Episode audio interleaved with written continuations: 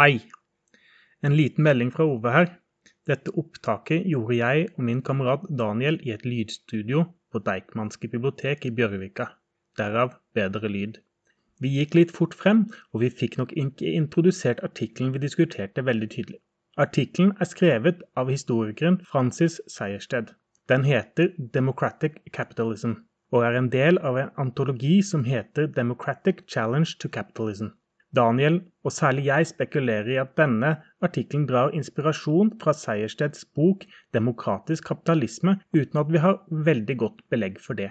Artikkelen, som vi diskuterer og prøver å belyse, trekker noen historiske tråder på forholdet mellom demokrati og kapitalisme i Norge og Sverige siden omtrent 1900.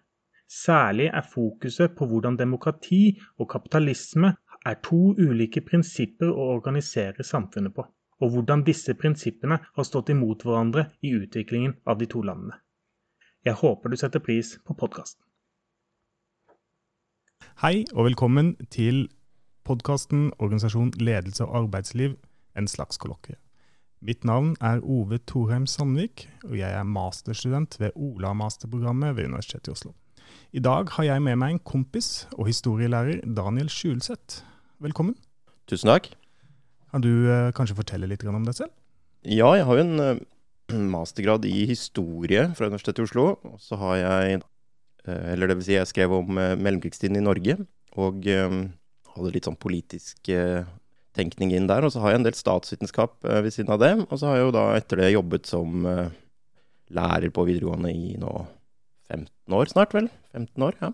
Mm. Ja, for denne artikkelen som vi skal lese i dag, av Francis Seierstedt, den er jo litt vanskelig. Og jeg klagde jo min nød på telefonen til deg om uh, hvor, hvor, vanskelig den var. Og du, uh, jeg spurte om du hadde lyst til å være med og lage en podkastepisode om dette. Du sa jo 'klart jeg med'.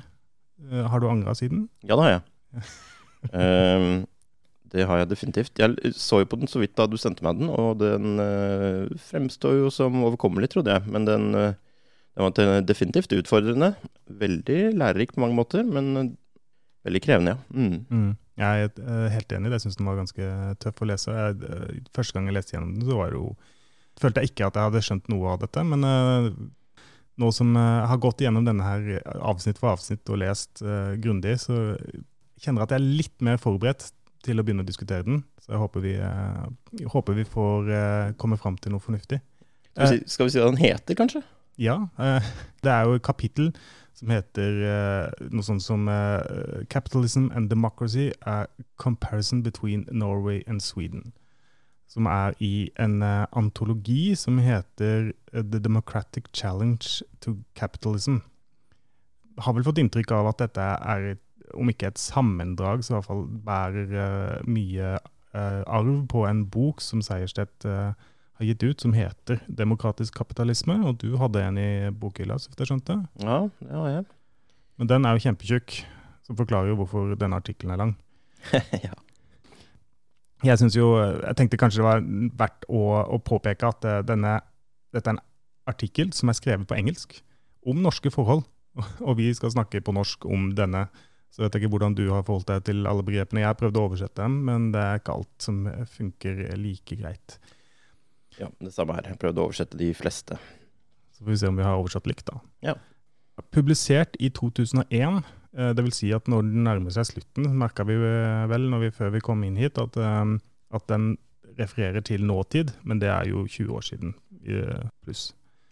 Og mye har skjedd siden da. Ja. Det er elleve avsnitt, og vi tenker vi planlegger å gå gjennom avsnitt for avsnitt. Så da kan vi vel egentlig bare starte med første avsnitt, og den heter 'Demokratisk kapitalisme'.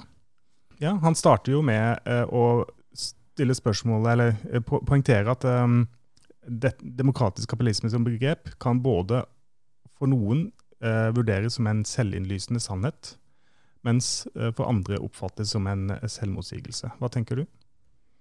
Nei, jeg uh, syns jo det var et interessant han sier også at de fleste land som er kapitalistiske, er også eh, demokratiske.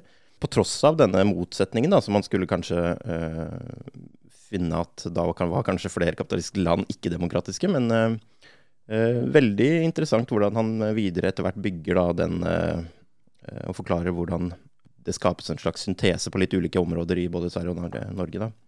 For han hevder jo, eller han viser til Schumpeter. Etter hva jeg kjenner, så er ikke Schumpeter en eh, kjent historiker, men økonom. Men han har jo da vist til han som sier at demokratiet kommer ut av kapitalisme. Jeg syns det høres litt spesielt ut. Eh, sånn intuitivt eh, så tenker jeg at de kommer fra hvert sitt sted, men det kan jo for all del være at det er en sammenheng også. Han bygger jo litt på det etter hvert, hvor han viser til at demokrati og kapitalisme er to måter eh, å, eh, å, styre et samfunn på som delvis overlapper og delvis eh, virker motstridende mot hverandre. Men det som er likt, da, det er jo at demokratiet fordeler makten på alle, sånn i utgangspunktet, mens kapitalismen fordeler makten på noen, de som har eiendom.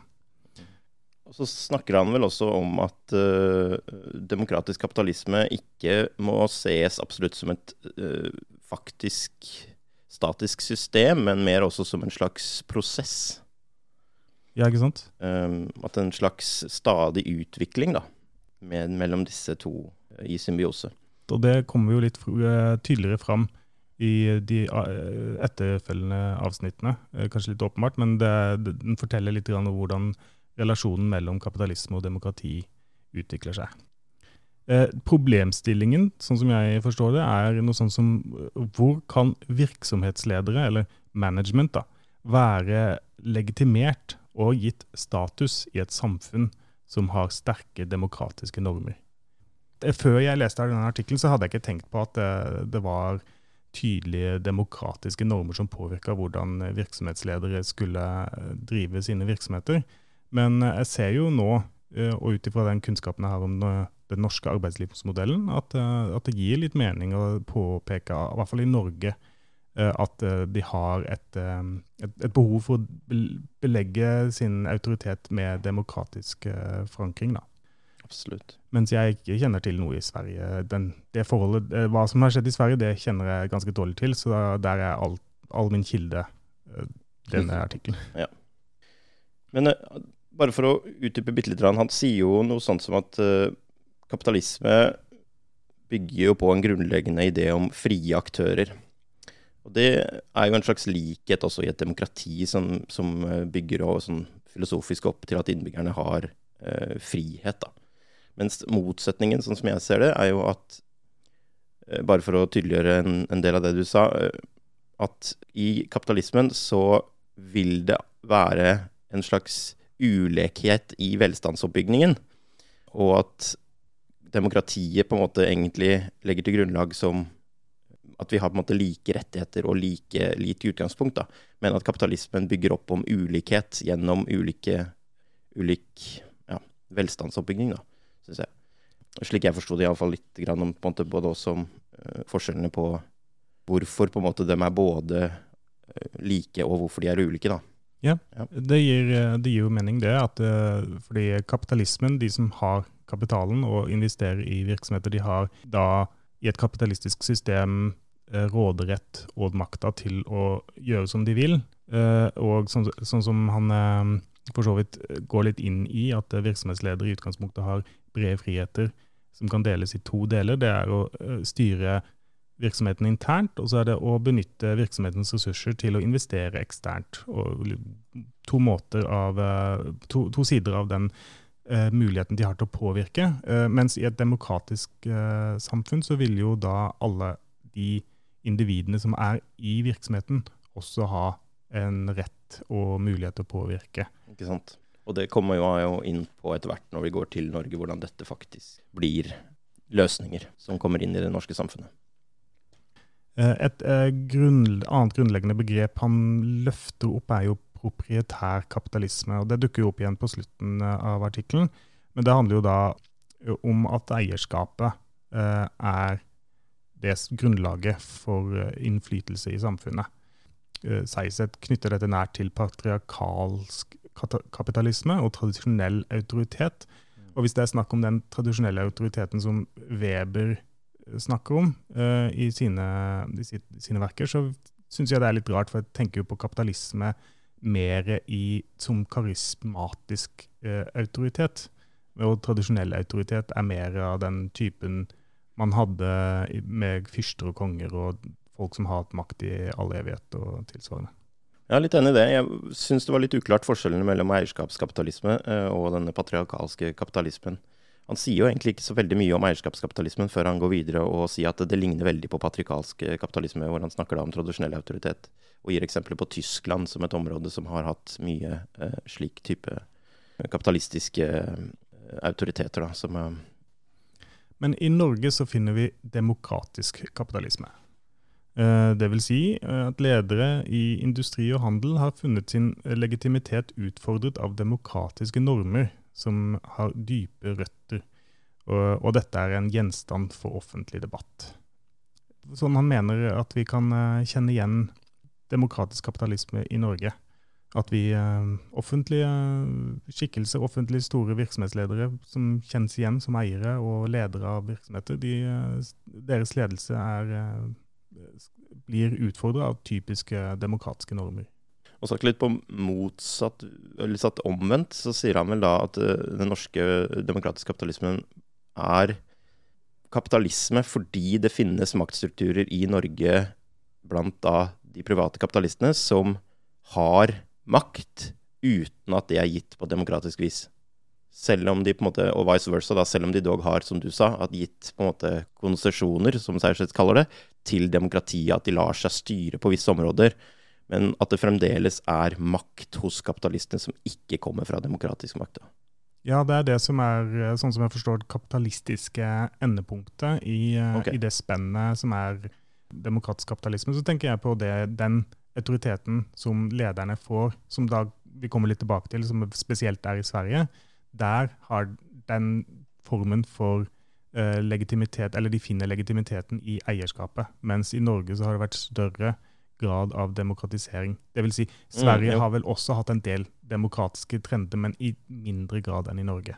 Jeg brukte jo demokratidefinisjonen her eh, i min eh, eksamensbesvarelse eh, i, eh, i, det faget denne artikkelen er henta for, som heter velferdsstat og arbeidsliv. Eh, og jeg syns faktisk hans definisjon av demokrati er veldig eh, dekkende. Det var i hvert fall det beste definisjonen på pensum om at man har direkte demokratiske prosesser, type valg.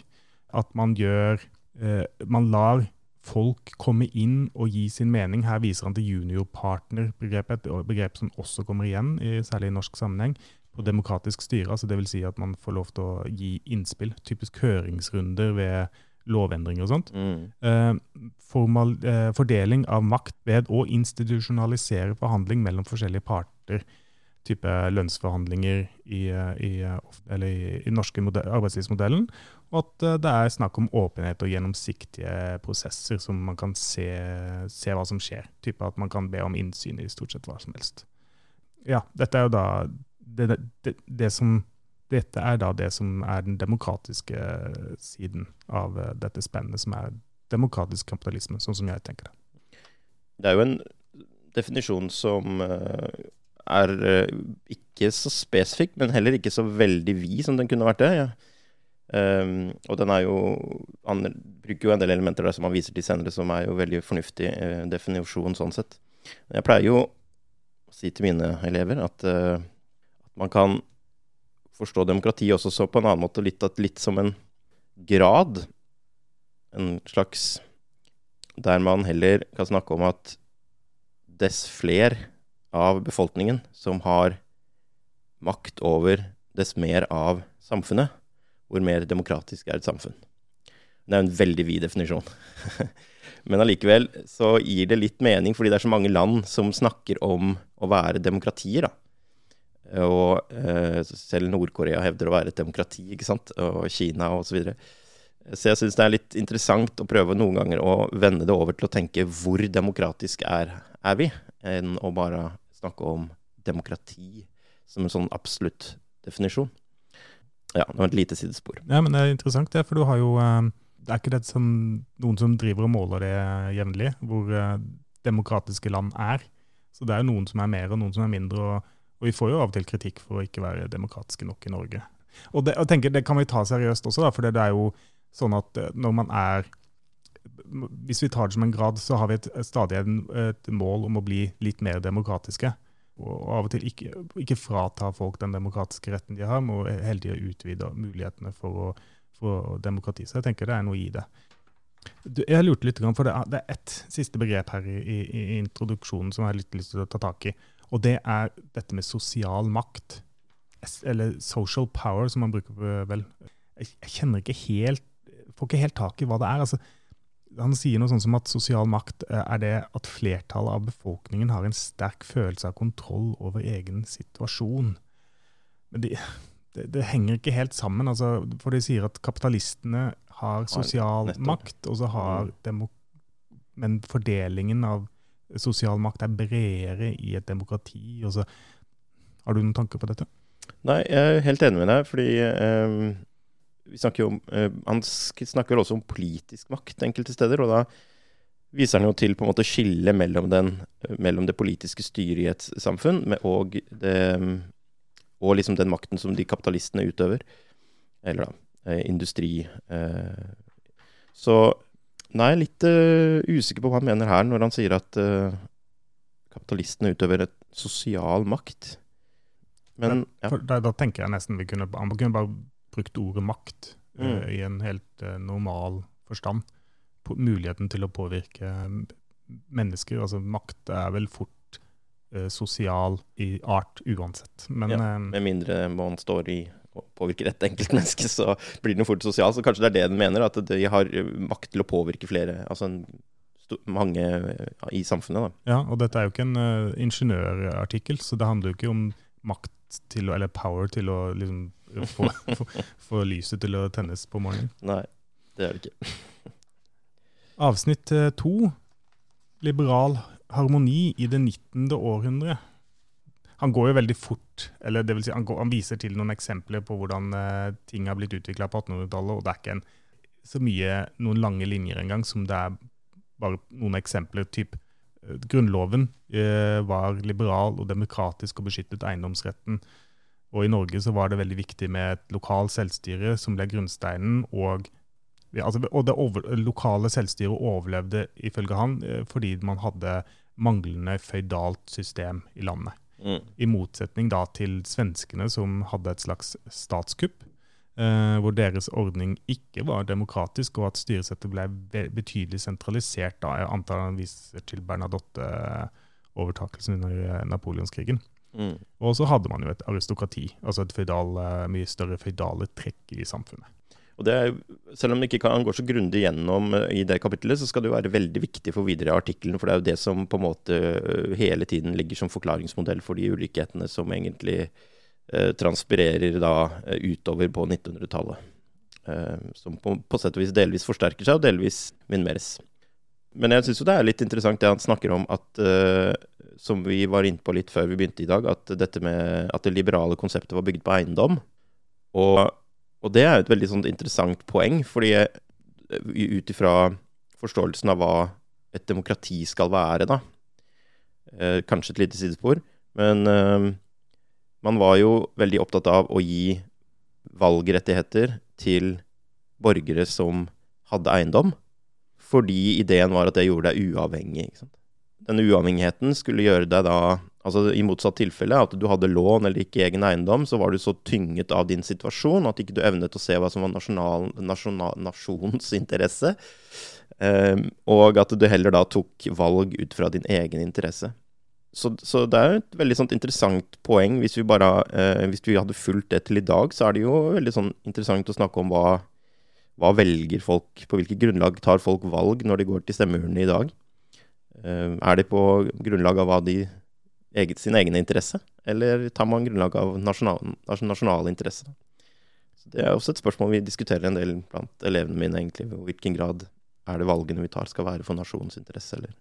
Det gir jo um, et perspektiv på demokratisk kapitalisme, sånn sett. da.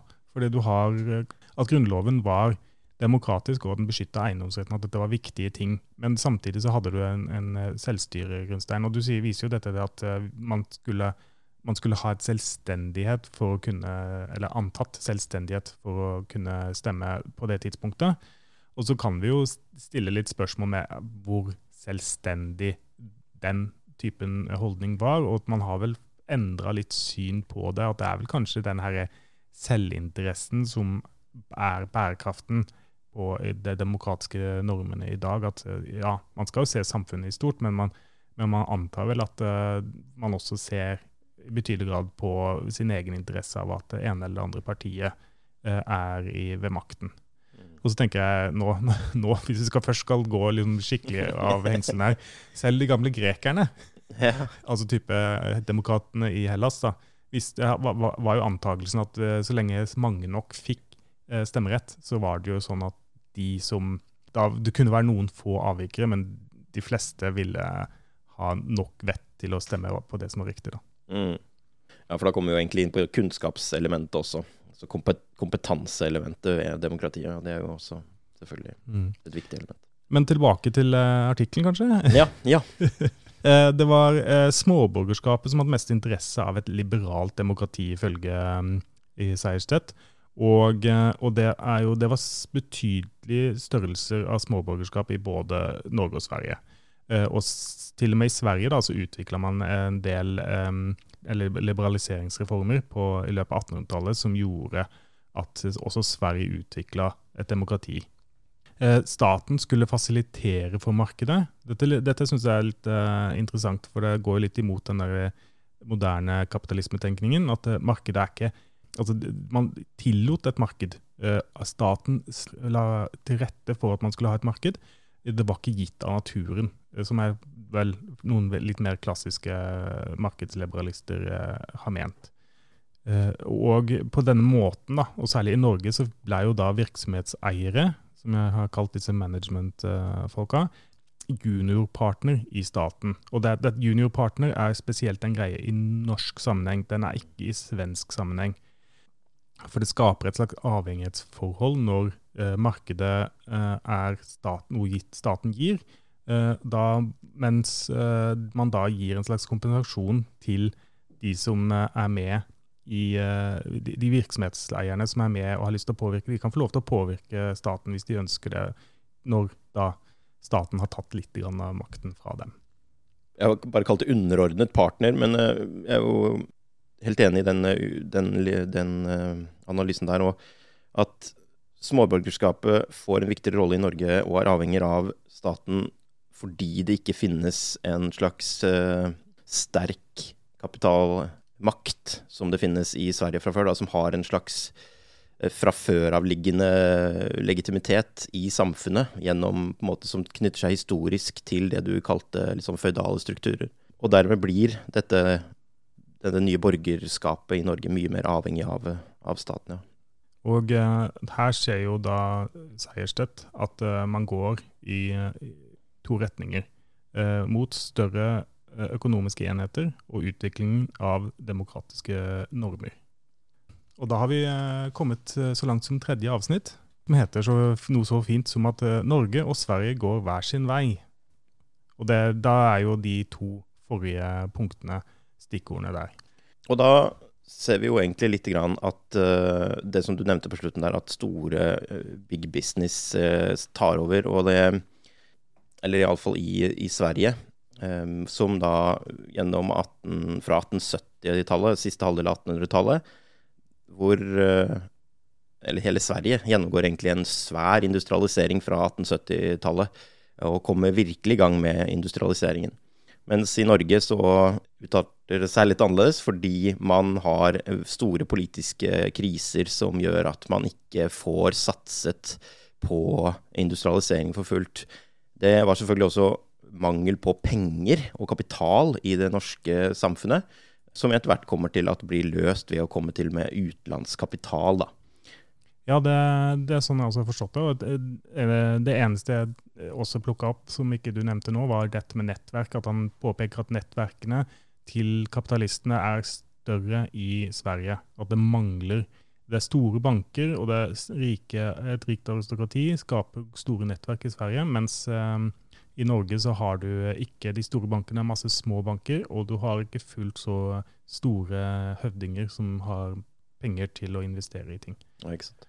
Og det er jo et slags frempeik, for det vil være det hele tiden som ligger drivende for Sverige. At ikke eh, den eh, industrielle sektoren trenger i like stor grad å være avhengig av å spille på lag, eller eh, å gi så mye konsesjoner til staten. Da, Så det, forutsetningene for utviklingen i Norge og Sverige var forskjellige, men også utviklingen i seg selv har vært tidvis ganske lik, sånn som han fremmer det.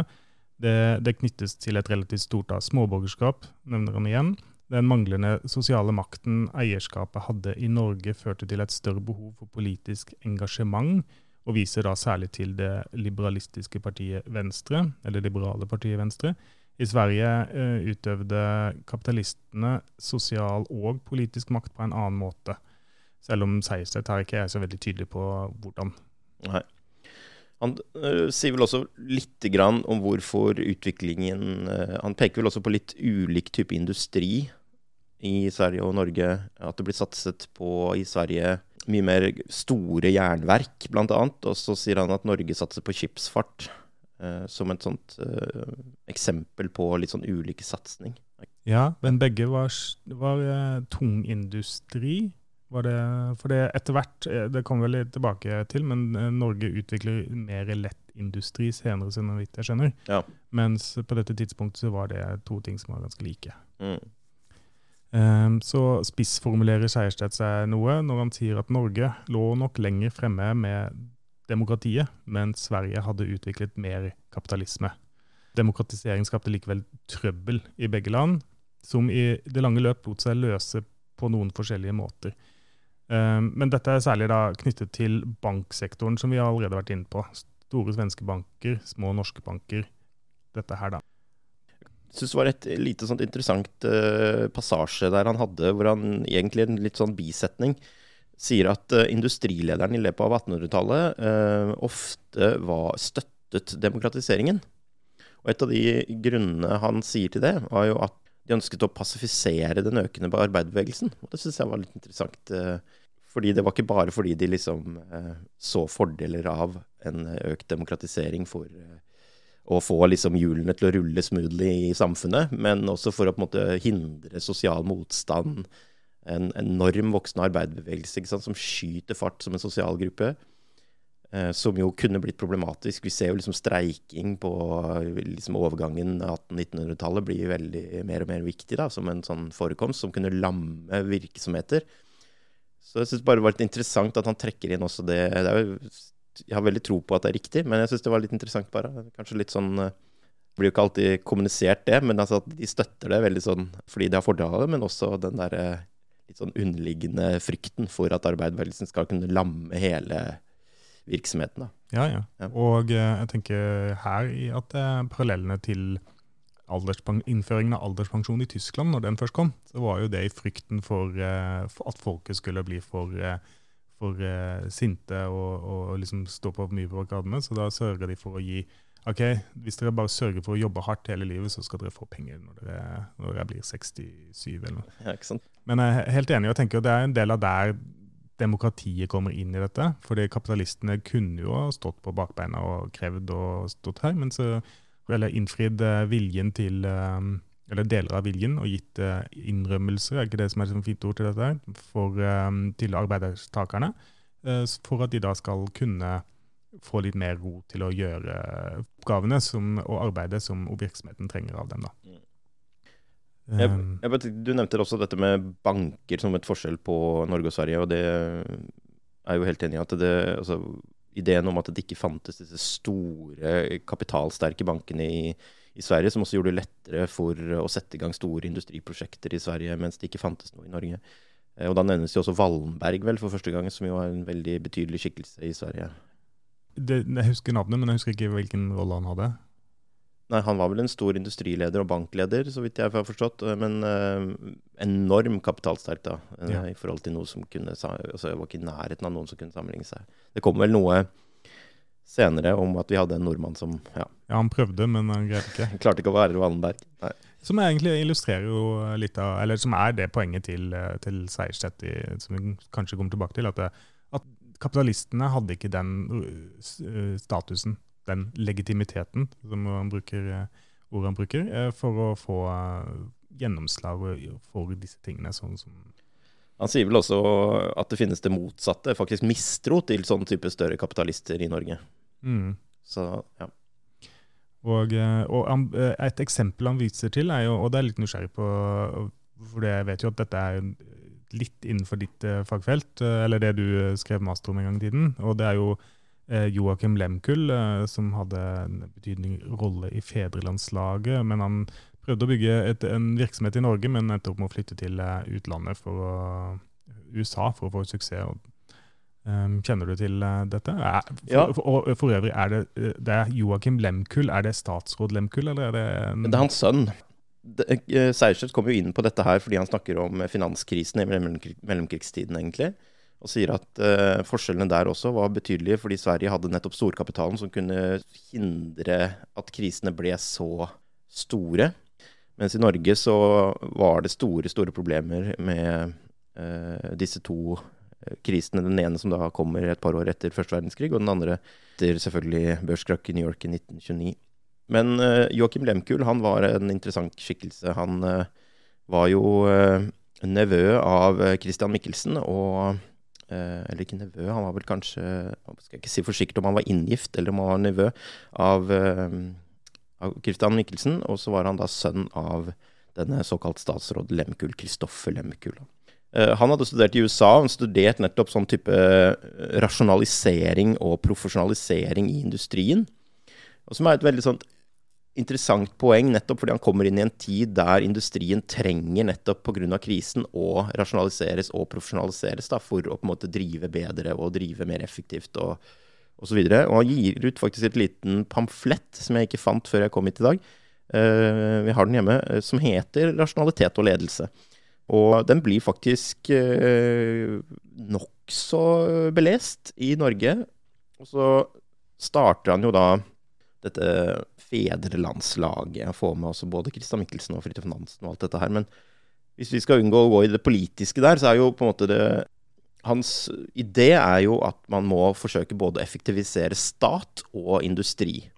Så eh, Og derfor blir jo selvfølgelig også da for å ikke gå lenger enn det. Men fedrelandslaget er sterkt kritisert fordi de forsøker å på en måte komme med en del elementer som ses på som antidemokratisk. Fordi, men ideen var jo effektivisering her, så de så, så på ting som f.eks. en sterk regjering. da, Altså Hvordan kan regjeringen gjøre sterkere for å styre kraftigere statsskuta ut av den økonomiske tåka, på sett og vis. da.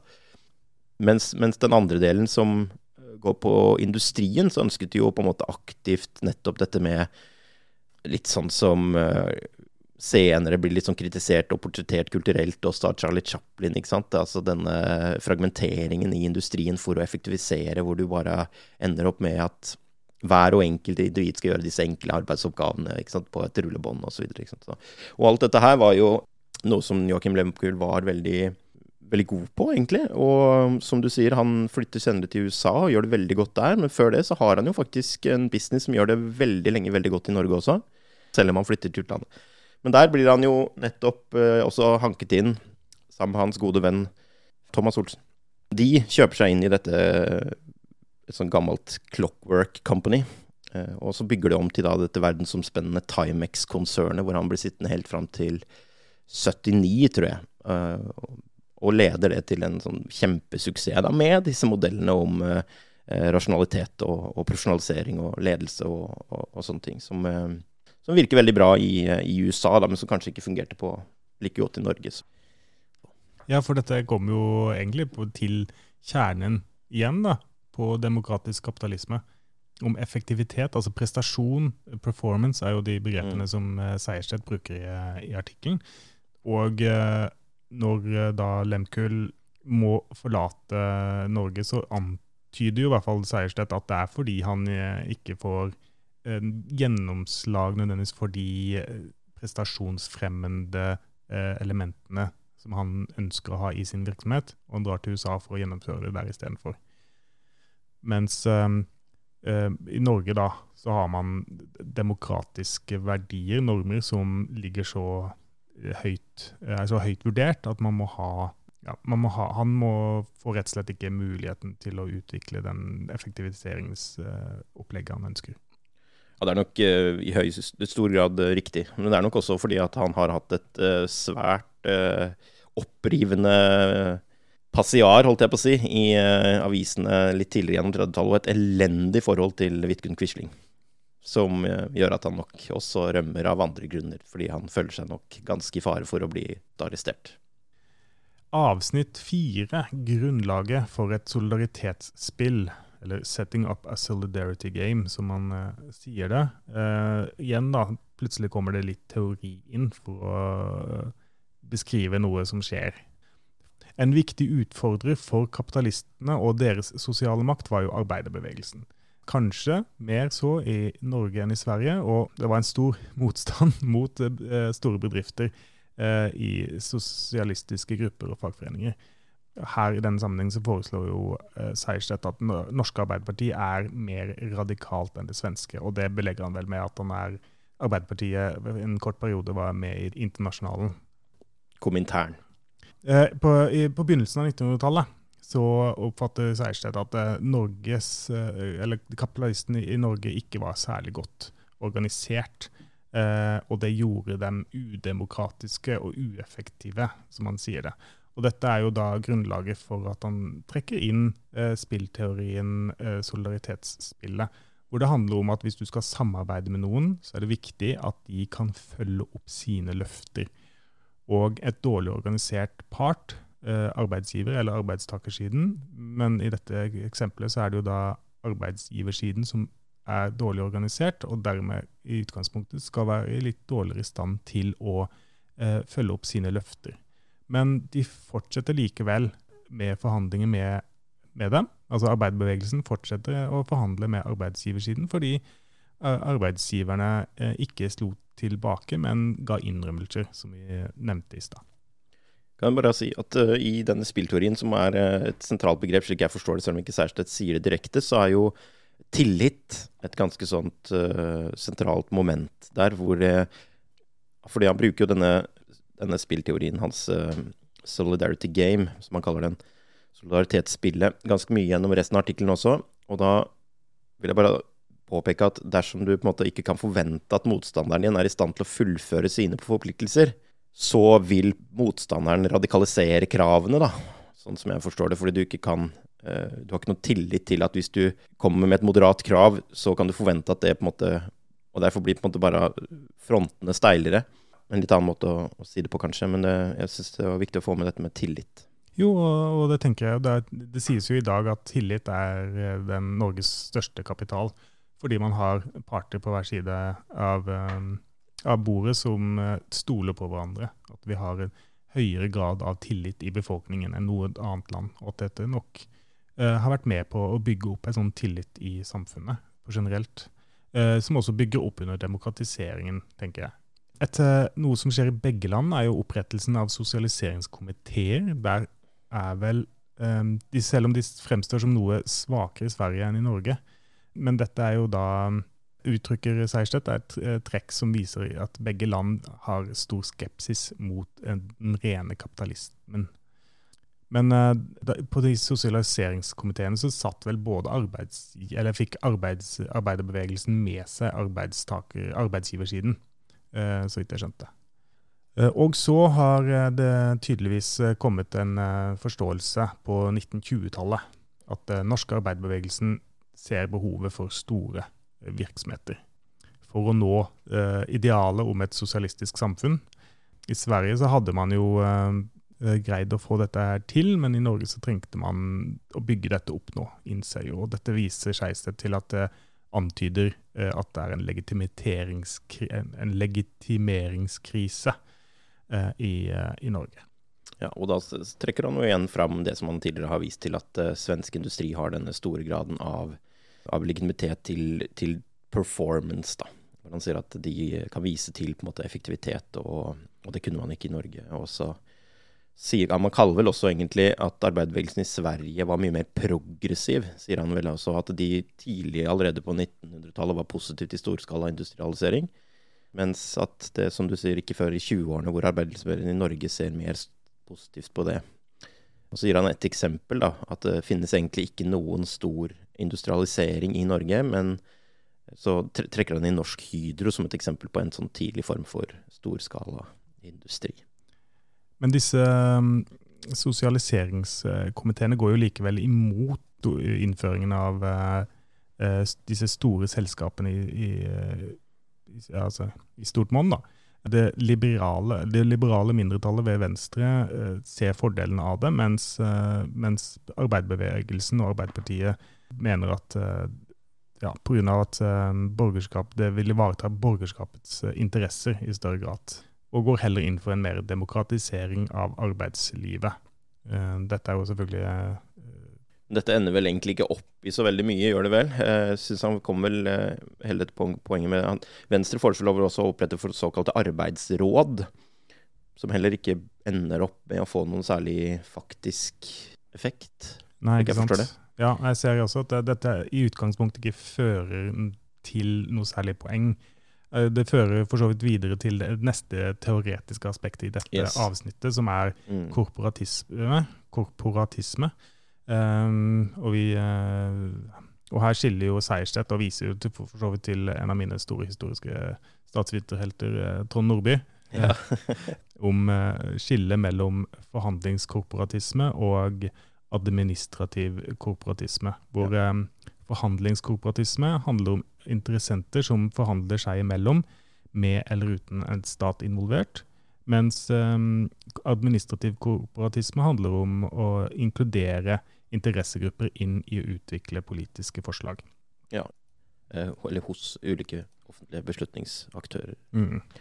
Uh, og det er jo her dette, denne byttehandelen kommer inn, at uh, man, særlig i Norge, da, hvor, hvor de er juniorpartner, uh, eller virksomheter er juniorpartner til staten fordi staten har tatt til, tatt vekk litt av innflytelsen over hvordan, hvordan, virksomheten skal drives, så har, har, staten da valgt å invitere dem med inn i diverse beslutninger. Et lite sidespor igjen, men han snakker jo faktisk, eller skriver Sejersted her, om korporatorisme som en, som en sånt litt sånn problematisk element, fordi det er veldig viktig i fascismen. Ja, ikke sant. Og der, fordi fascistene er jo veldig opptatt av liksom, å utvikle samfunnet med sånne fagråd, ikke sant, som skal ha direkte rådgivermakt i det fascistiske hovedorgan. Og det er jo litt problematisk, selvfølgelig, å, å utvikle elementer. Derfor er vel også derfor han kommer inn med å, å si at uh, arbeiderbevegelsen tydeliggjør at dette er en slags demokratisk korporativisme, ikke, ikke, ikke bare korporativisme, men uh, demokratisk korporativisme. Ja, ikke sant.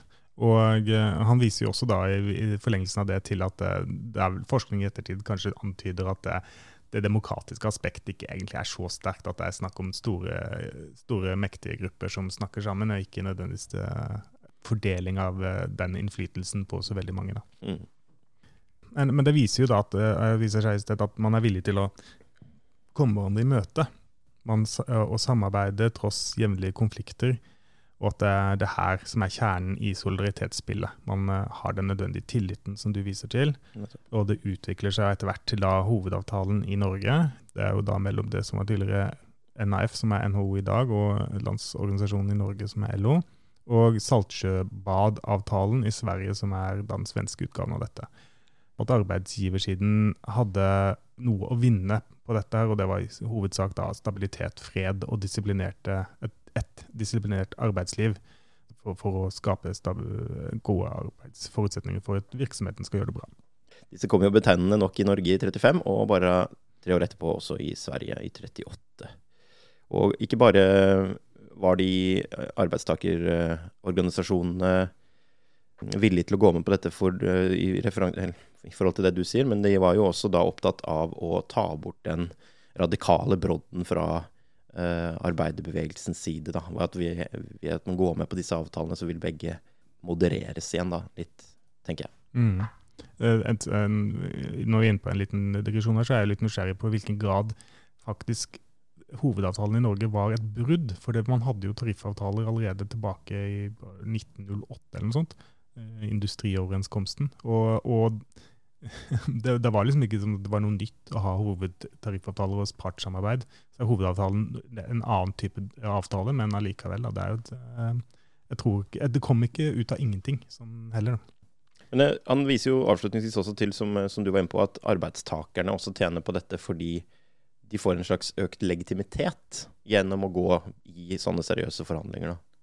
Så jeg vet ikke om det kan være noe som er ikke nytt, fordi du sier jo det har jo vært før, men uh, de ser det på en, en slags sånn strukturering av hele, hele, forhandlingsgreiene. Kanskje gir da en slags sånn økt tillit og respekt for hele arbeidstakersiden. Og så har vi et eh, Nå har jeg mista tellinga på avsnittene, men da har vi kommet til avsnittet som jeg ikke greide å oversette overskriften på. 'Corporate moves in the wake of the war'. Som i beste fall ville være sånn virksomheters initiativ. Hva tenker du? under andre verdenskrig så prøvde noen norske virksomheter å ta et initiativ på å utvikle større virksomheter, og kun fikk delvis suksess og viste borgerskapets manglende styrke i Norge.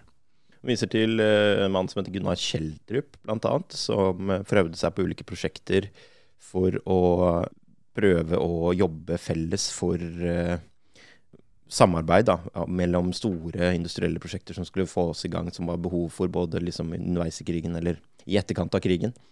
Og eh, han mente vel egentlig at at hvis ikke industrien viser mer initiativ, så vil det føre til at staten initierer mer statlige selskaper, da. Hvis jeg forsto det rett. Det ble vel egentlig ikke noe ut av hans forsøk, gjorde det? Nei, det var ja, Sejerseth beskriver det som en delvis suksess. Uh, utover det så har jeg Det var et ganske kort avsnitt. Det fortsetter jo med at fagforeninger i begge land hadde også initiativer til å utvikle uh, arbeidslivet. Men heller ikke dette fremstår jo som en veldig enhetlig suksess, men de etablerte i hvert fall uh, råd eh, på forskjellige nivåer. På type da eh, samfunn, bransje og virksomhetsnivå. Og det skulle virke demokratiserende, og det skulle være partipolitisk uavhengig, vel. Og, men i praksis så fikk ikke disse rådene den innflytelsen som de så for seg. og um, Bl.a. fordi man kjente litt på dette med hvor, skulle grensa gå, hvor disse rådene skulle komme med innspill, og styringsretten til arbeidsgiver, sånn som den var definert på det tidspunktet. Han bruker ikke ordet styringsrett, men han viser jo litt til det sånn som jeg tolker det, tidligere, hvor han viste til hva en virksomhetseier kan gjøre internt i virksomheten, og hva, hvordan virksomhetseieren kan bruke ressursene i virksomheten til, til å investere eksternt. Da. Ja. Ikke sant? Og Så sier han vel også helt til slutt der at, uh, som jeg syns er et ganske viktig historisk poeng, da, at han sier at i Norge spesielt, fordi, og som komparativt som er veldig forskjellig fra Sverige, så hadde okkupasjonen ført til en sånn slags veldig unntaksmessig solidaritetsholdning, en slags sånn følelse av fellesskap på tvers av partiskillelinjene da, etter krigen. Noe som jo også kommer til uttrykk i liksom fellesprogrammet, som jo alle partiene går til valg på i 1945. Som han sier i teksten her, at uh, ingen hadde noe ønske eller behov for noen radikale endringer eller programmer rett etter krigen fordi gjenbyggingsarbeidet da, ble så viktig i og overskygget alt annet. Mm. Eller, det er et veldig godt poeng, tenker jeg. at de, um, at man hadde, Det bygger jo opp under egentlig solidaritetsspillet og tillitsopplegget. At man hadde tillit til at man, alle parter var gode nok til å utvikle og hadde felles interesse av å å få samfunnet på beina igjen etter en fem år med eh, okkupasjon. Så stiller Sejersted, eh, Sejersted spørsmålet eh, skal staten ha rett til å regulere kapitalisme, eller i hvilken utstrekning skal staten ha rett til å regulere kapitalisme. Etter andre verdenskrig så fikk fagforeningene en eh, mindre rolle i å demokratisere økonomien, siden fagbevegelsens politiske fløy, Arbeiderpartiet, ja, fikk, fikk, flertall i Stortinget i, i, 20 år. Og dette var jo eh, med på å utfordre eh, da virksomhetslederes makt i enda større grad enn tidligere. Ja, de, de bruker vel også at Arbeiderpartiet i denne perioden fokuserer på planøkonomiske eh, prosjekter som å statlig regulere og kontrollere både økonomien og industrien. Da. Og så sier han i forbindelse med det så blir eh, den korporativismen som han viser til tidligere, så trekker man vel også fram at på denne tiden nå så blir også da administrativ korporativisme like viktig som denne type forhandlingskorporativismen, fordi man sitter i posisjon til å kunne gjøre det, da.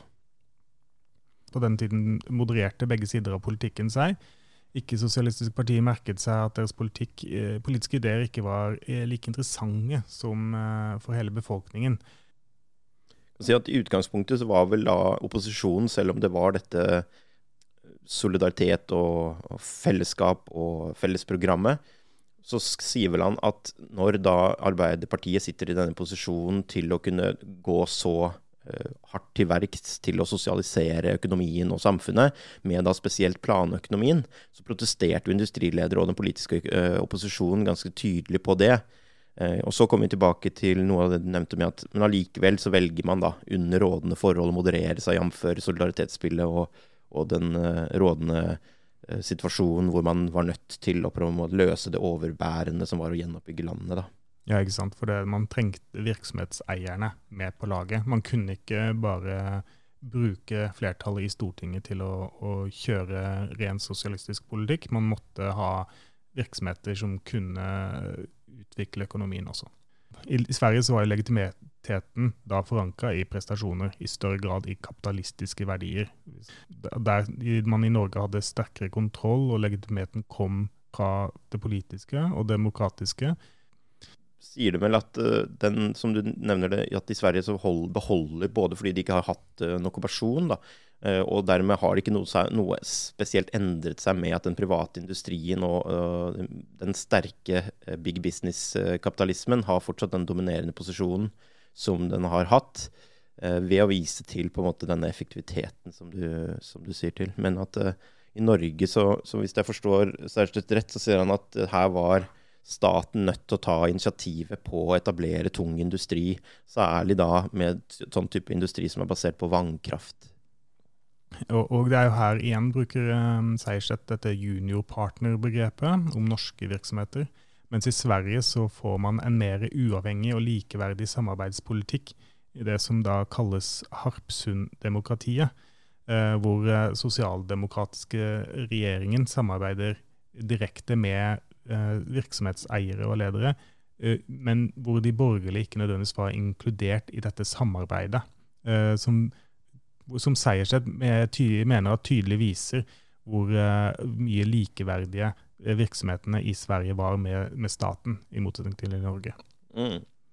Og da trekker han jo igjen inn denne Wallenberg, og også denne jo Akkurat som vi har Gerhardsen i Norge, så har de jo Tage Lander i Sverige som denne store sosialdemokratiske lederen. Og, og dette Harpsund-demokratiet er veldig interessant, for det kan jo også bli sett som et antidemokratisk element hvis man går inn og ser at mye beslutninger skjer ved at eh, tunge industriledere møter det politiske eh, maktsentrumet i en eh, bygning eller et bygg og foretar eh, lukkede samtaler mer eller mindre i et uoffisielle møter, da, ja. sånn som jeg forsto det. Så ja, jeg tenker jo det samme. Det er jo typisk når noen har snakket sammen, mm. som om hvor folk har vært et sted og ikke vi vet hva som har skjedd. Det er vel sånne Davos-konferanser eller hva det heter, disse, ja. hvor mektige folk i verden møtes for å snakke sammen. Og, og det fins legitime grunner til at de, de, gjør det, men det virker ugjennomsiktig og det virker udemokratisk både på, både, på både meg og mange andre, kanskje. Og det, uten at det nødvendigvis må være det. Og, eller sånn som Seierstedt fremmer det her, da, så handler det jo om denne administrative eh, korporativismen, hvor eh, vi har, som du også nevner, at eh, at de, de, snakker sammen og samarbeider, eh, hvor staten inviterer virksomhetene inn for å bidra til eh, utvikling av politikk. Mm. Men det er eh, litt sånn han snakker om at han snakker om at det er en situasjon i Norge med at man innser at man er nødt til å, å holde på eh, solidaritetsspillet, men likevel så trekker han fram en rekke elementer hvor det er sterke altså protester, da og spesielt, som jeg syns er veldig interessant, er jo denne Lex Tagor-loven som han uh, trekker fram, som jo var en ganske offensiv, eller omfattende kanskje heller, lovregulering, hvor dette som ble vedtatt i 1945, hvor da dette nyopprettede prisdirektoratet skulle kunne gå inn med liksom utvidede fullmakter og regulere store deler av læringslivet. Ikke bare pris, som det kan høres ut som, da, men det hadde så omfattende fullmakter. Og så Det blir jo gitt lov i Eller gjort til lov i 45 fordi man er i en unntakssituasjon. Men Høyre og næringslivet er jo selvfølgelig sterkt imot sånn type omfattende regulering. Og så står det jo at dette er jo en konflikt som blir værende som en sånn samfunnsdebatt helt fram til et kompromiss i 1953, hvor da ikke det nødvendigvis kommer fra at, at man uh, sitter seg ned og uh, kommer til en løsning. Eh, det gjør man jo. Men, uh, men, mer også fordi at det skjer ting internasjonalt. Som jeg tenker er ganske sånn interessant, da, fordi du får jo Marshall-hjelpen. Og Norge hadde jo selvfølgelig hatt har jo voldsomme inntekter i andre verdenskrig pga. Uh, skipsfarten. Men vi hadde jo behov for for, eh, for, å gjøre dette og mer ressurser da, til å kunne bygge og, og, denne type tungindustrien som skulle bygges opp.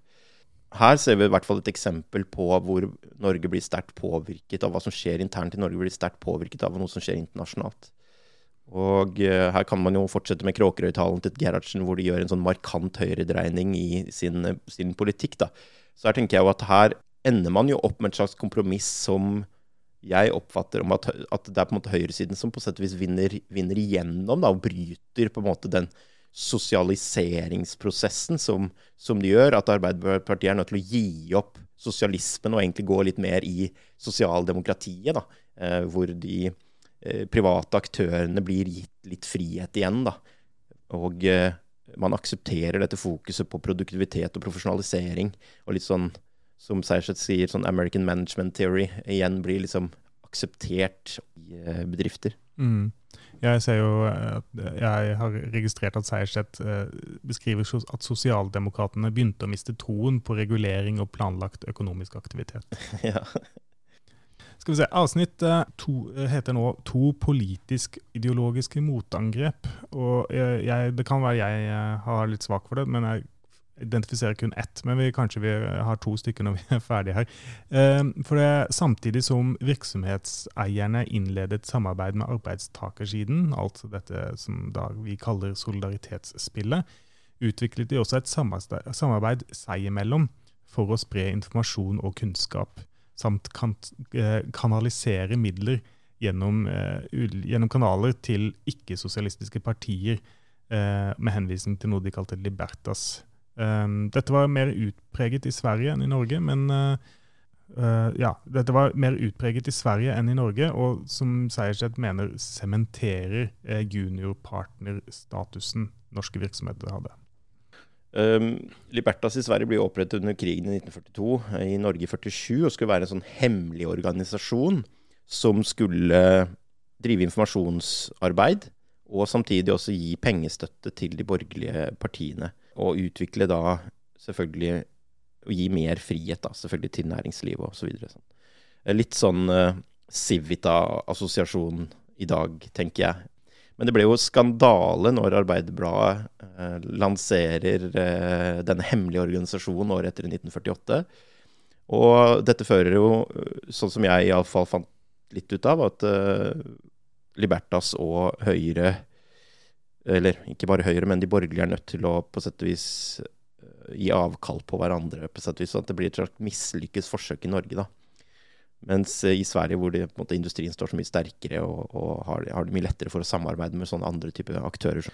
Jeg ser jo her og nå at, eh, altså, for Jeg, jeg tolker dette her som et motangrep i, i mye større grad. For det, blir, det oppfattes som en mye mer skandale, og det er liksom mer det ligger litt mellom linjene. da, at du, Her har du gjort en innsats for å liksom underminere de du egentlig skal samarbeide med, og samtidig gitt eh, penger til dem på litt sånn skjult og hemmelig måte, liksom, på en uheldig måte. Og så uh, viser det seg at den andre eller jeg ser jo nå at den andre, uh, mot, det andre motangrepet er, er, jo så mye mer tamt, fordi det handler jo bare om at Høyre har et forslag om at demokratiet skal utvikle seg tilbake til en slags proprietær kapitalisme, altså hvor, vi, hvor eier, demokratiske rettigheter knyttes i større grad til at du eier noe. Ja. Mm. Som er liksom Ja, det er en konservativ og en liberal holdning til, eh, til samfunnet. Eh, men det er jo en helt ærlig måte å, å, å ha en sånn politisk mening. Eh, den er litt kontroversiell, men, og den fikk jo ikke noe Men de, de, knytter det vel opp til at dette eierskapet, at det i moderne Han sier vel at, at det skulle ha ikke bare, De skulle ikke helt tilbake Eller ja, det er det som er grunnlaget da, til sånn eiendomsfokus Eller eiendomsbasert demokrati. Men at han sier at dette eierskapet i en slags moderne industrisamfunn skulle gjøres gjennom aksjer. Er det ikke det han sier? Akkurat på det tidspunktet så fikk jeg ikke akkurat med meg den delen.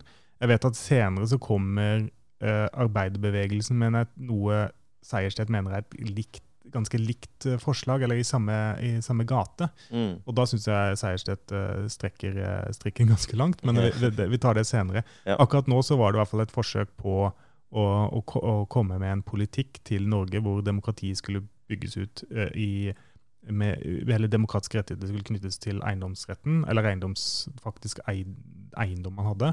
Og eh, det var i hvert fall ikke nok eh, interesse i befolkningen for at det skulle få gjennomslag. De, han sier vel at i 1977, nei, unnskyld, i 1970 så dropper de den ideen om den radikale distribusjonen av eierskap, og så heller, heller går til uh, dette ønsket om at de ansatte skal ha representasjonsrett. En slags industriell demokrati, kaller han det vel. Ja, og det er jo der vi, um, der vi er nå, er vi ikke det? På neste avsnitt, inkludering av arbeidere og effektivitetstemaet. Worker participation and the issue of efficiency. Deltakelse i, på arbeidsplassen. Å gi medarbeidere medvirkningsrett var ikke ukontroversielt, eh, heller ikke for sosialdemokratene. Eh, Arbeiderpartiets eh, forsøk på å lovfeste denne form for medvirkning ble fjernet siden fagforeningen ikke ønsket å sitte på begge sider av bordet, og nå bruker jeg hermetegn her. Eh, ideen fikk jo fotfeste, og noe forskning ble gjennomført på temaet. Dette er jo de samarbeidsforsøkene jeg tror han viser til, som førte til en arbeidsmiljølov av 1977 som var ganske eh, radikal, så vidt jeg vet. Og den skulle jo være demokratiserende eh, for eh, Men mekanismene er ikke nødvendigvis demokratiske, ifølge Seierstedt. Og det var jo også noen som lurte på om dette faktisk bidro til noe, noe effektivisering eller ja, Heller det motsatte, kanskje, vil noen si. Men ja, jeg er helt enig. De sier vel at de først var positive, men så ser de vel for seg, som du sier, at de i tilfelle med konflikt, så vil de plutselig sitte både i styret for bedriftene og forhandle med arbeiderne. At arbeiderne sitter både i styret, som skal forhandle med arbeiderne på andre siden. Er det ikke Ja, jeg tror det er sånn jeg forstår det. Ja. Og, og, jeg, jeg syns jo det er litt spesielt, gitt at det, senere har jo dette utvikla seg avtalemessig. Men da kan man igjen knytte det kanskje til de der eh, to temaene som, eller to aspektene av styringsretten. Det med internkontroll og eksternkontroll, eh, eller hvordan bruke midler og ressurser til, i virksomheten eksternt. da. At eh, det å sitte med myndighet sentralt i virksomheten, hvordan påvirker det eh, hvilken rolle man har i forhold til å drive en, en virksomhet. Så det er litt interessant at arbeidsmiljøloven i Norge kommer først, allerede i 1977, men ikke før i 1992 i Sverige. Så det er jo en, kan jo igjen ha noe med at uh, industribedriftene sitter mye sterkere. Uh, utviklingen av medbestemmelse knytter uh, Sejersted til behovet for legitimisering og demokratisering var en måte å få, få til dette på. Um, I tillegg til at det var et behov for å øke kompetanse og konkurranseevnen i virksomhetene. Men hvem burde kontrollere kapitalen, Daniel? Det er jo avsnittet, jeg tror det er tredje siste. Han, Sejersted skriver her om at industrilederne i den private sektoren ble kritisert for å investere for lite og uten noen plan, og uten da til eh, hensyn til nasjonale interesser, altså fra eh, sosialdemokratenes side. Så kommer det vel inn på dette eksempelet som vi var inne på i tidligere i dag, med denne Johan Melander, som eh, forsøker da Han er vel leder for den største banken, private banken i Norge. Hvor han da blir gitt oppgaven, eller tar oppgaven, Eh, to oppgaver, som de gis eksempler på her. Den ene er å eh, rasjonalisere eller effektivisere skogsprosesseringen, og eller skogsindustrien, langs Skien- og Porsgrunn-vassdraget. Og det andre var å løse de massive behovene for å fikse hele Vaterlandsområdet i Oslo. Men ingen av de lykkes. Og eh, Seierstedt mener det knytter seg til de sterke demokratiske normene man hadde i Norge, da, og hvor skeptisk eh, man hele sånn institusjonelt er til sånne store private initiativ. Ja, for det føles jo oppkort i dette på av at den da sosialdemokratiske Arbeiderpartiregjeringen eh, gjennomfører en lov hvor de krever at alle banker skal ha 50 offentlige utpekte styremedlemmer. Mm. Eh, noe en uh, borgerlig regjering uh, kort tid etterpå skoter fullstendig. Noe som um, tyder på e egne strategiske inspirasjonskilder i Norge. Dette ble i stor grad mislykket. Dette, var, dette, viser jo kanskje hvordan de demokratiske normene ikke lenger hang Eller man har kanskje dratt de litt for langt da, i, i virksomhet og i, i, i, den økonomiske sfæren.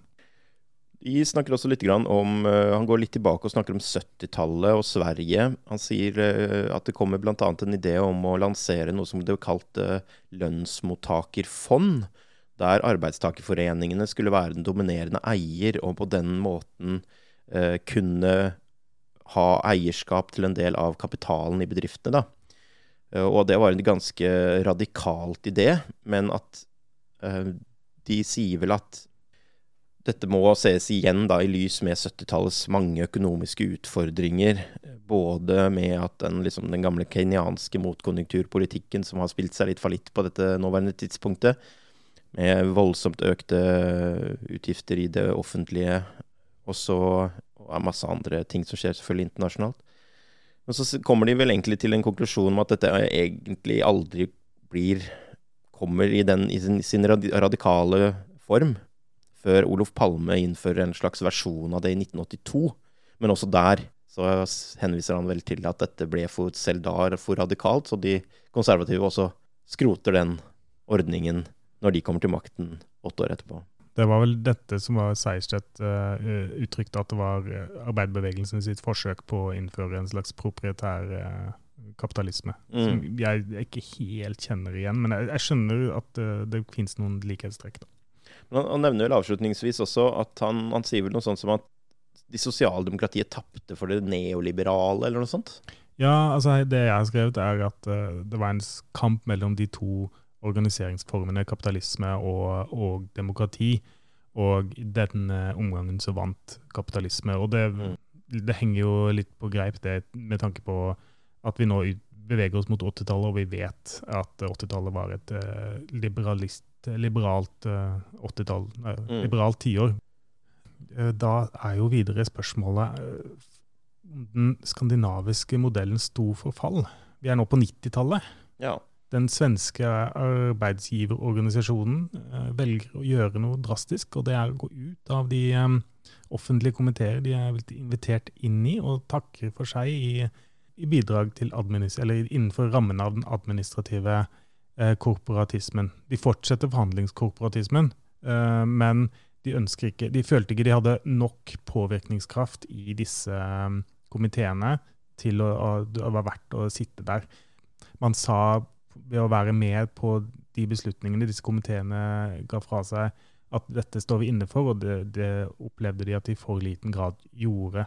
Dette da i motsetning til uh, hva de gjorde i Norge, hvor de vurderte det samme, men valgte å la være. Og Seierstedt peker jo på at dette er eh, av eh, Eller ikke da, Litt fordi det allerede Altså, de hadde større innflytelse i de norske eh, komiteene, eh, men også fordi eh, i Sverige så hadde da eh, arbeidsgiverorganisasjonene mer status, høyere legitimitet, til å gjøre, stå på utsiden. De var ikke avhengige av å sitte der. Nei, De kunne utøve makt uten å sitte der. Kanskje egentlig mer makt var vel litt slik de så det som. De så det som en slags svakhet å sitte etter hvert i disse komiteene.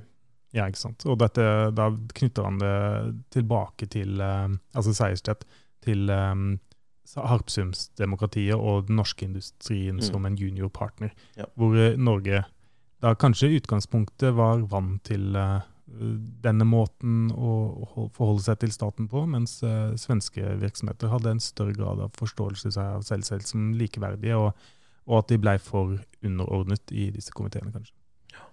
Så går han vel over til å si at da bygger han jo egentlig litt opp til å si at her ser vi tendenser til at det sprekker litt opp i denne, dette samarbeidet. Men så kommer han til et poeng med at på 90-tallet så får man uh, den datidens globalisering da, som skjøt fart, som gjør at man iallfall i en periode fikk noe styrket intern solidaritet, eller intern nasjonalisme, som gjør at man uh, allikevel velger å på en måte samarbeide på tross av at man, som du sier, de fortsetter å samarbeide i Sverige, og, og også i Norge, da.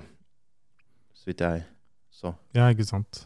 Og uh, det er jo også en, uh, ved siden av disse, denne konkurransen, hvis vi kan kalle det mellom kapitalisme og demokrati, så har jo uh, Seierstedt nå også trekket fram byråkratisering av, som, av virksomheter som er en trend i tiden. Hvordan virksomhetsledere ja, de har for så vidt fungert som uh, sosialdemokratiets storhetstid, som teknokrater som har vært nyttige for å bygge broen mellom kapitalister og arbeidere. Men det, når virksomhetene nå, når man har jobba for og hatt store virksomheter, i, uh, så har det vært nyttig å ha uh, profesjonelle ledere til å drive disse virksomhetene. Men det har også ført til at det, ikke, det er ikke eieren som, eier, som leder virksomhetene lenger. Det har egne lederskikkelser for det, da. Ja, han sier vel også at uh, tilbake fra 80-tallet så har man mye mer sånn Kan, han kaller det eierskapskapitalisme? Ja, for det, han, de har proprietær, han, han, bytter ut ordet proprietær kapitalisme med property owning capitalism. Jeg vet ikke helt hvordan kap, altså Eiendomseiende kapitalisme han kommer vel etter hvert nå også til uh, at han snakker om en utvikling der man får ulike sosiale grupper. Ja, jeg tror det er snakk om at det blir større, altså det er de større forskjellene mellom uh, i samfunnet som blir tydeligere, sånn som jeg forstår det. Du har noen som blir superrike, som har i begge land, men hvor det blir sånn tydeligere forskjeller. Og så er det de som arbeiderklassen uh, og en velferdsstat som begynner å halte på et vis. da, Det ikke er like veldrifta. Mm. Han sier vel at uh, det ikke bare har Det vokser fram sosiale, nye sosiale grupper, men og i forbindelse med det så svikter den gamle solidariteten mellom samfunnsgruppene seg. At det oppstår mer i stor grad av eh, misforhold da, i den gamle ja, solidariteten da, mellom samfunnsgruppene. Der man tidligere kanskje har tenkt at ting, alle, vi trenger alle typer jobber, så kommer jo også dette med lavstatusyrker inn ikke sant? Som, et, eh, som et element. Og det er jo også her vi ser de første store innvandringsbølgene ikke sant? som kommer inn og, og skaper litt ikke sant? utfordringer. Og, og da Sejersted foreslår jo eh, tre årsaker til dette her. Eh, nå skal det sies at det, nå er jo, eh, Artikkelen er jo skrevet i 2001, eller publisert i 2001, og 90-tallet er jo tiåret som leder opp til det årsåret. Så jeg tenker hvor sterkt det står, det vet jeg ikke, men globalisering og internasjonal kompetanse har, vært én bidrag i det. Økt usikkerhet i kollektive forhandlinger har vært en annen grunn. Og uh, behov for stadige omstillinger fører til mindre stabile arbeidslivsrelasjoner. Virksomhetens eiere og ledere lener seg mer på prestasjon som legitimerende, som viser hvordan man går mot den kapitalistiske enden av det spektrumet som demokratisk kapitalisme fremstår som. Ja, enig. enig. Um, og denne globaliseringen som vi også tidligere har snakket om, den vil jo Det toget går jo bare raskere, det. Så det er jo interessant å se hvordan, hvis vi skal snakke litt om det senere også, hvordan dette har uh, tatt seg videre til i dag. Ja.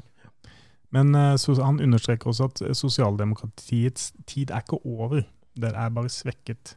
Politiske beslutninger vil fremdeles påvirke kapitalistenes beslutninger, og det vil de vel alltid gjøre. Selv i det vi kan vurdere som ganske høykapitalistiske land som USA og, og Storbritannia, så er jo fremdeles um, politiske beslutninger ting som påvirker kapitalistens kapitalistenes beslutninger. Men var, er dette slutten på det demokratiske kapitalisme, da? Uh, nei, han uh, sier vel ikke det. Og han avslutter vel også egentlig forrige avsnitt med å si at det ikke er en slags determinert utvikling, hvor man ser en slags nedsabling og avvikling av det sosialdemokratiske eller den demokratiske kapitalismen. Men han uh, sier vel at tradisjonelt sett har selskaper eller bedrifter alltid vært sentralt i moderne samfunn. Uh, men så sier han også at vi at i den der spennet, da, med demokratiet, hvordan dette, disse skulle fungere inn med demokratiet, så sier han at i eh, demokratiet så måtte man ha, for å, for å skape denne hybridsymbiosen, så måtte demokratiet ha en viss kontroll med bedriftene. Og det er jo det han peker på at vi liksom Det er derfor han stiller dette spørsmålet, slik jeg forstår det. altså Er det enden på det demokratiske kapitalismen? Eh, er vi i ferd med å liksom slippe det, da? Gi slipp på kontrollen? Skal demokratiet nå liksom gi helt frislipp? Han sier vel at han ser tendensen til at eh, Norge hadde bedrifter som i mye større grad tidligere var underordnet staten som denne juniorpartneren. Men at vi nå ser i mye større grad bedrifter som ikke er det. Eh, som staten i motsatt tilfelle er på en måte ikke avhengig av, men som de må forholde seg til, da, uten å, uten, uten å kunne kontrollere på samme måte. Men så sier han vel også noe litt sånn vidløftig mot uh, slutten her også. Han prøver å oppsummere og si at forsøkene til samfunnet i denne prosessen med å skape gode Eller ja, det er vel han sier at forsøket har alltid vært å skape et godt samfunn. Og slik jeg forstår, så gir han noen sånn som bekymrende outlooks eller, eh, på den nåværende tendensen, som jo jeg vil si at bare har blitt forsterket fra da at det kapitalistiske systemet ikke synes å ha det som det overordnede mål, men kun på selvsagt kan man kanskje si, sin egen egeninteresse, da. Og ikke en slags samfunnsinteresse. Slik at demokratiet har tvunget, på en måte gjennom sin kontroll av, over den kapitalistiske siden, så har de kunnet på en måte tvinge de til å komme med løsninger som er til alles beste, mens frislippet med eh, kapitalen gjør at de i større grad kan kjøre sitt eget spill ut fra egen interesse. Så kommer han vel noen, noen håp der også? Han er vel ikke helt eh, negativ til eh, utviklingen videre.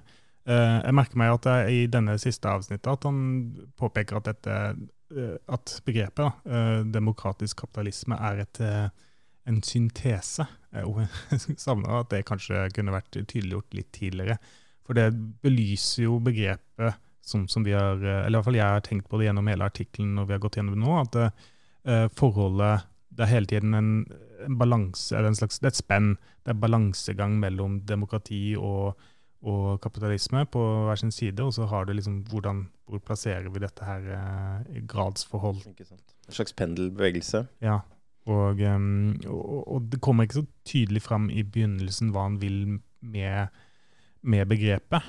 Uh, han har, altså, det, han, hadde forventa litt tydeligere hva det begrepet skulle være tidligere, men oppsummert nå i, på slutten, så, så syns jeg det er uh, et, Det er ikke et så rart begrep som jeg kanskje tenkte at det var i begynnelsen. da. At det kan fint være en beskrivelse av et uh, Eller et, ord å, som er utgangspunkt for analyse av samfunnet. Helt til slutt så sier han vel at vi, individene og samfunnet allikevel kan påvirke denne retningen som det har gått med hvis vi ser at denne egeninteressen hos alle disse selskapene som får større og større frihet, større og større handlekraft og makt At hvis de på en måte ikke oppfører seg, holdt jeg på å si, og det får utslag, så, så vil vi som mennesker eh, skape både sosial og politisk reaksjon. Da. Både gjennom kanskje type Eh, at man liksom gjør opprør, eller at man politisk ser behovet for å tettere kontrollere ting igjen. Men det er klart, med en større grad av at eh, vi her i Norge er mer og mer avhengig av et slags internasjonalt samarbeid, så er det ikke alltid så lett heller å kunne bare si at nå skal vi kontrollere de private aktørene, fordi vi er bundet opp til ganske mange andre former for uh, samarbeid. Da. Har vi jo gått igjennom hele um, artikkelen på mindre enn halvannen time. Men uh, det er jo et uh, lite spørsmål som gjenstår, sånn som jeg ser det. Og det jo, bygger jo på det at artikkelen er 21 år gammel i talende stund. Hvordan står dette seg i dag? Ja, jeg noterte meg litt her, og jeg synes jo, hvis du skal følge det han sier fra 2001, så syns jo jeg, uten å være noen ekspert, at denne privatiseringen og denne økt eh, maktforekomsten hos de private aktørene i det norske samfunnet har jo bare økt. Eh, det kan det vel ikke være noe særlig tvil om. Og eh, gjennom åtte år med, med Høyre så har vi også sett en økende privatisering av den tidligere offentlige sektor. Eller ikke den offentlige sektor, men offentlige, tidligere offentlige selskaper. Statlig eide selskaper som har blitt privatisert. Og, og mer makt gis da til aktører i alle, alle typer eh, bransjer. Og så har vi, hvis vi skal bruke det, da, det Seierstedt sier om at kanskje ser vi eh, at dette vil føre til at det får økt misnøye i befolkningen. Og da kommer jeg på å tenke på at vi har jo flere av disse sosiale protestbevegelsene nå med Occupy Wall Street. Flere av disse som har kritisert eh, markedskreftene. Eh, og som kanskje, kanskje ser vi da hvor tydeligere, hvor, hvor mer pendelen beveger seg over til eh, den kapitaltunge siden da, av den, den demokratiske kapitalistbegrepet så ser vi også misnøyen kanskje vil vokse seg sterkere, og, og, at vi kanskje forhåpentligvis får noe mer kontroll igjen på en del av disse markedskreftene. Jeg vet ikke hva du tenker? Nei, altså, jeg syns det er interessant det du nevner om um, Occupy Wall Street, f.eks. For, eksempel, for det er jo typisk amerikansk fenomen. Du har det gule vesten i Frankrike, mens i hvilken grad har vi hatt de tingene, eh, de bevegelsene i Norge på den måten? Uh, samtidig så har vi um, The Economist, vel, som har hatt en overskrift over uh, som heter, på, på liksom forsiden av bladet som heter The, Norwegian, The Nordic Supermodel, med henvisning til hvordan vi har organisert samfunnet i Norge. Og dette, dette går jo jeg, jeg, kan ikke noe annet enn å tro at det Seierstedt har prøvd å beskrive i denne artikkelen går til noe av kjernen i det som er den norske og nordiske modellen altså likheter og forskjeller mellom Norge og Sverige. Hvordan, hvordan man har hatt demokratiseringsprosesser hvor, hvor, arbeiderbevegelsen har vært med på å påvirke utviklingen og uh, har hatt mye innflytelse.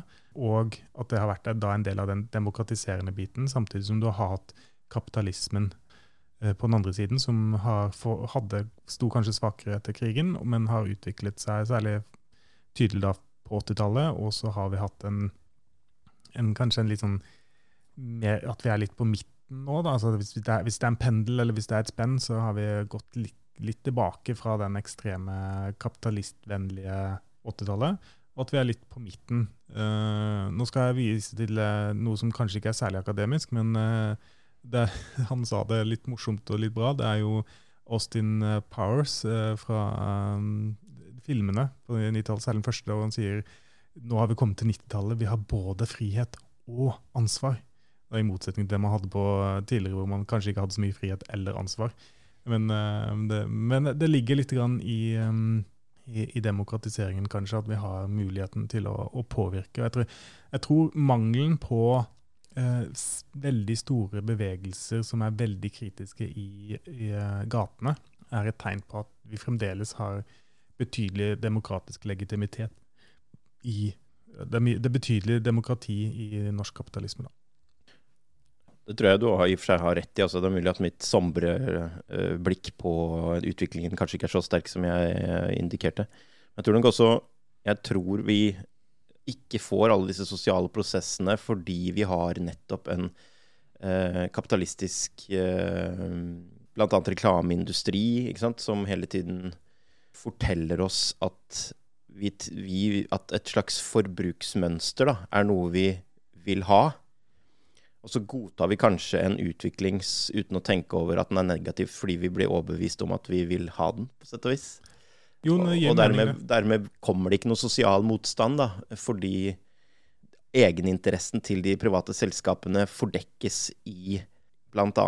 gjennom en helt vill reklameindustri, som baserer seg i dag på både avanserte eh, modeller av hvordan hjernen vår fungerer, og uh, logaritmer og alt som er. Altså hvor, hvor vi på en måte, på sett og vis, eh, der bedriftseierne tidligere var villige til å godta demokratisering for å holde befolkningen nede, så blir vi nå på en måte litt, eh, ja, mener jeg da, i noen grad holdt litt, holdt litt nede av en slags eh, Ja. Ja, men jeg, jeg tror, altså, jeg tror det, det, du sikter til, er at vi blir sakte, men sikkert påvirka av, av reklamebransje og medieverden i en ny retning og tilpasser oss eh, det vi tilpasser oss det.